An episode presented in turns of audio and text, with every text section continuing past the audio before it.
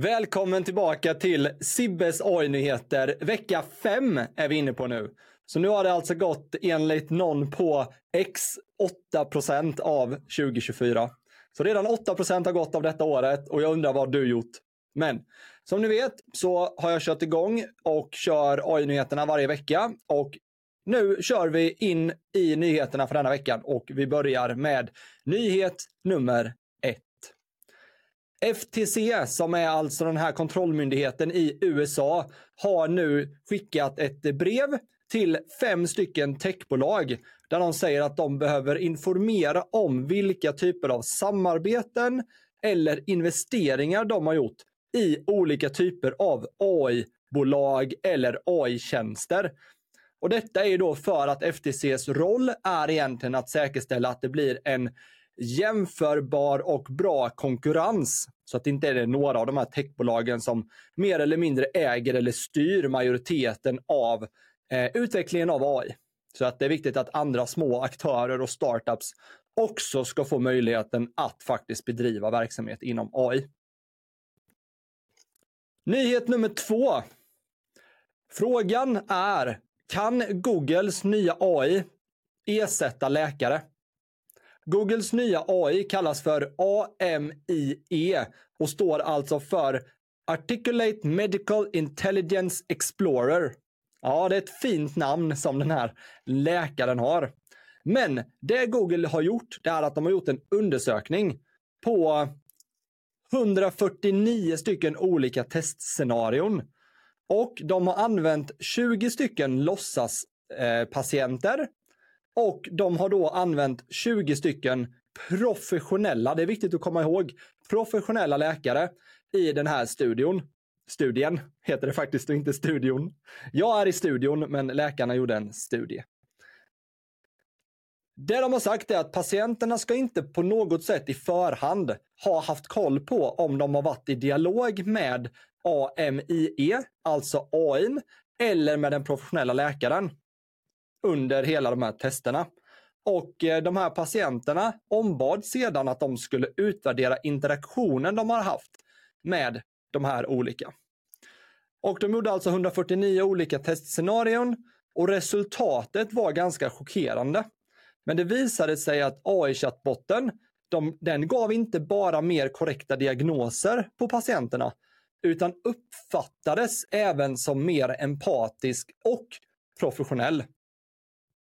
Det är det. Om du undrar varför jag har glasögon på mig så är det Metas nya AI-glasögon. Och de här ska snart släppas i Sverige med den uppgraderade AI-modellen eh, inbyggt i glasögonen. Så att du tekniskt sett kan använda glasögonen bara för att ta en bild på en frukt eller vad som helst och säga vad är det här för frukt? Och du får det presenterat direkt in i glasögonen. Och du kan också använda glasögonen för att ta bilder, spela in video och liknande. Hej Meta, take a photo. Och direkt så tar den en bild. Ganska häftigt. Vi hoppar vidare till nyhet nummer tre. Jag tycker att AI är ganska häftigt och det kan göra väldigt stor skillnad på mycket saker i våran värld. Men också alla de här roliga grejerna som är helt udda och kanske egentligen också onödiga. Men nu är det en utvecklare som har en studie, eh, nu är det en studio, där de faktiskt utvecklar produkter som bara är udda.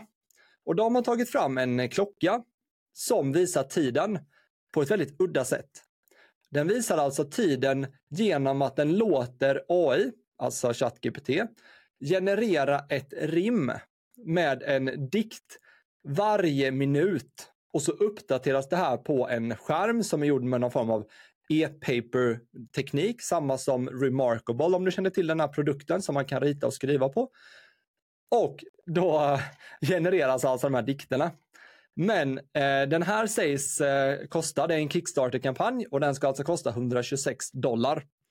Eh, och de säger också att eh, den kommer inte kräva någon eh, licens eller prenumeration, även att den använder en GPT-modell som faktiskt kostar pengar. Så det är en ganska häftig produkt som eh, du kan gå in på Kickstarter och eh, kolla på. Den heter Poem 1 eller på M1. Okej, nyhet nummer fyra. Då ska vi hoppa in hos Apple och hälsa på lite grann.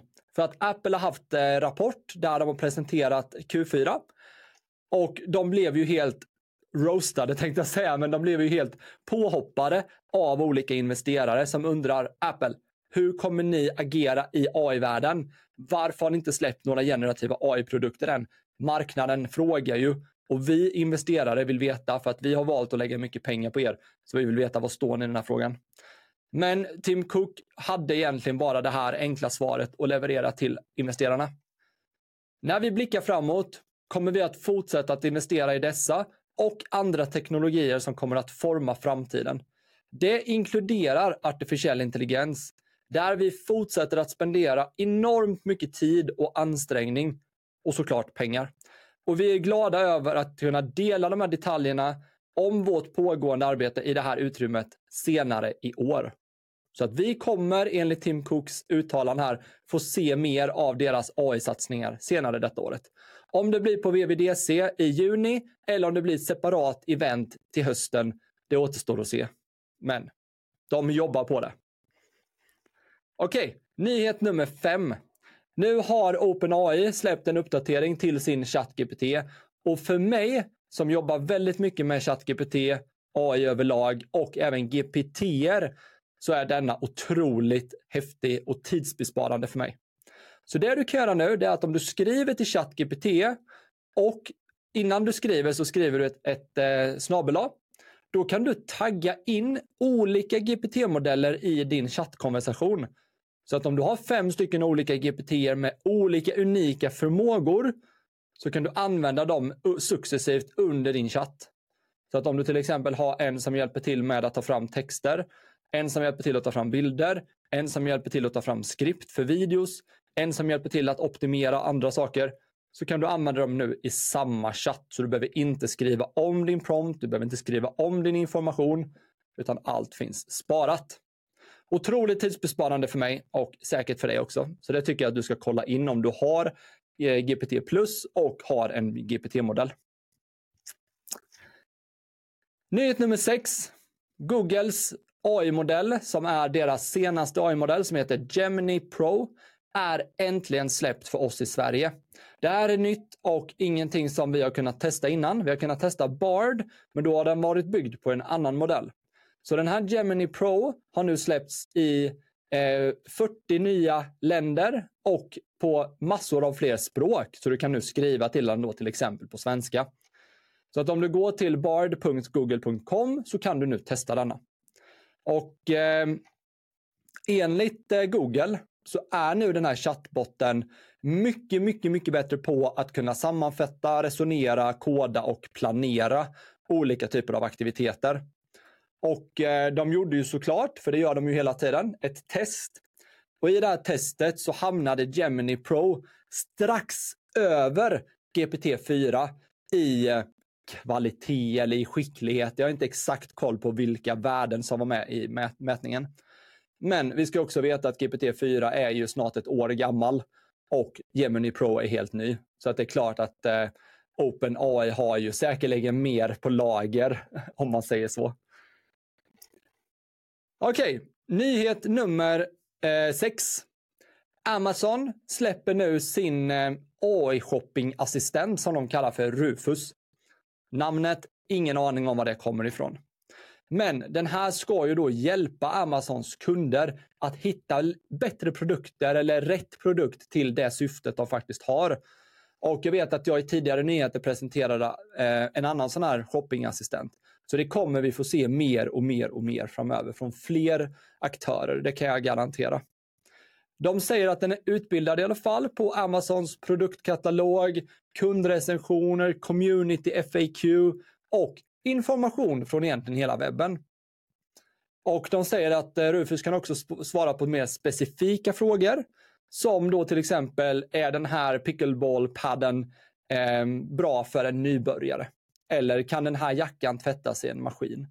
Och så kan du få svar på det direkt i den här chatten då. Eh, Rufus finns än så länge bara eh, på test för vissa utvalda användare.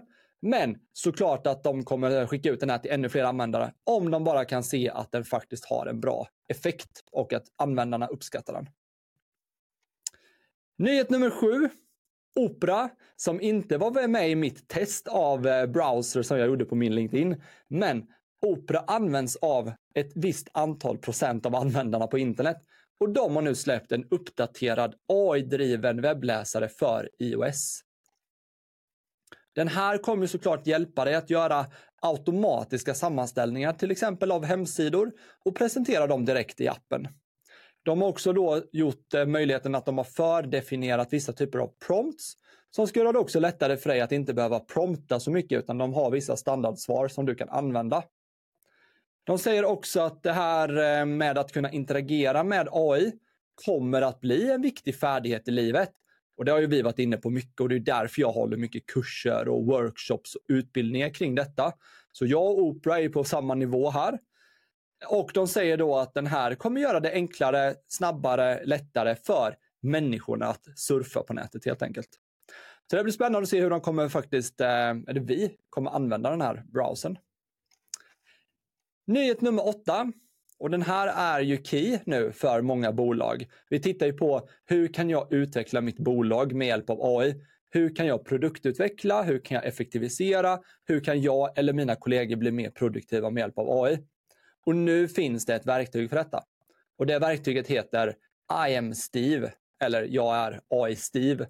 Och det bygger såklart på Steve Jobs, som då var en otrolig entreprenör och visionär.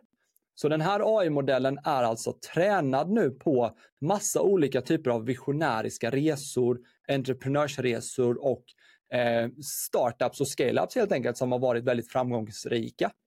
Och sen då så kan denna egentligen ta din webbadress, så du skriver in din webbadress, klickar på enter och du får egentligen färdiga produkt och utvecklingsrekommendationer för dig och ditt företag. Otroligt va? Då har vi nyhet nummer 10. Zuckerberg har också haft sin rapport i veckan och enligt den här rapporten så verkar det som att Zuckerberg ska 2024 bli den nya AI-kungen eller AI-guden. För det som Zuckerberg har märkt nu, det är att alla de andra modellerna, Google, eh, OpenAI, eh, Microsoft och liknande, de baserar nästan hela sina modeller på textdata ifrån artiklar, blogginlägg, eh, forum och liknande. Och det är en typ av text som skrivs där. Men han tycker inte att det är den absolut bästa för att förstå oss människor. Så Zuckerberg hävdar att hans data, alltså den datan som du har delat när du har skrivit en Facebook-kommentar, ett inlägg, delat en bild, delat en video på Reels, det är den riktiga datan. Och här går vi någonting mer i stil med vad kanske Elon Musk gör med sitt X där han också köpte eh, Twitter då, just mycket på grund av datan och där bygger han nu sitt nya AI-bolag. Så att eh, jag tror att de stora krigarna i AI-världen framöver kommer vara Zuckerberg och Elon Musk som har rätt typ av data, vilket jag också tror kommer vara den viktigaste datan. Eh, Zuckerberg säger också att han under 2024 ska investera ännu mer i AI-hårdvara. Och i de nya uppdateringarna så säger han att han kommer ha nästan en miljard AI-chip eller AI-processorer innan 2024 är slut. Så det blir spännande att se vad den tar vägen. Det blir väl eh, majoriteten Nvidia kan jag tänka mig som kommer tjäna mest på de här investeringarna fortsatt under 2024. Även om vi vet att både OpenAI, Facebook och eh, Elon Musk håller på att utveckla egna AI-chip. Det här var allting för vecka 5 med AI-nyheter från mig, Sibbe Silvén. Och jag vill ju såklart att du går in och eh, kollar på mina nyheter även på LinkedIn. Där inne får du också gärna följa liksom dialogen, kommentera mina nyheter och se vad kommer hända framöver? Vad är nästa steg inom det här? Hur kan mitt företag ta action på de här nyheterna för att komma vidare i våran resa helt enkelt? Och såklart hoppas jag att du går in och ger lite stjärnor till den här podden det vore skitkul i alla fall. Så stort tack för att du har lyssnat på den här podden vecka 5. Så hoppas jag att du får en supertrevlig vecka. Ha det gott. Hej hej!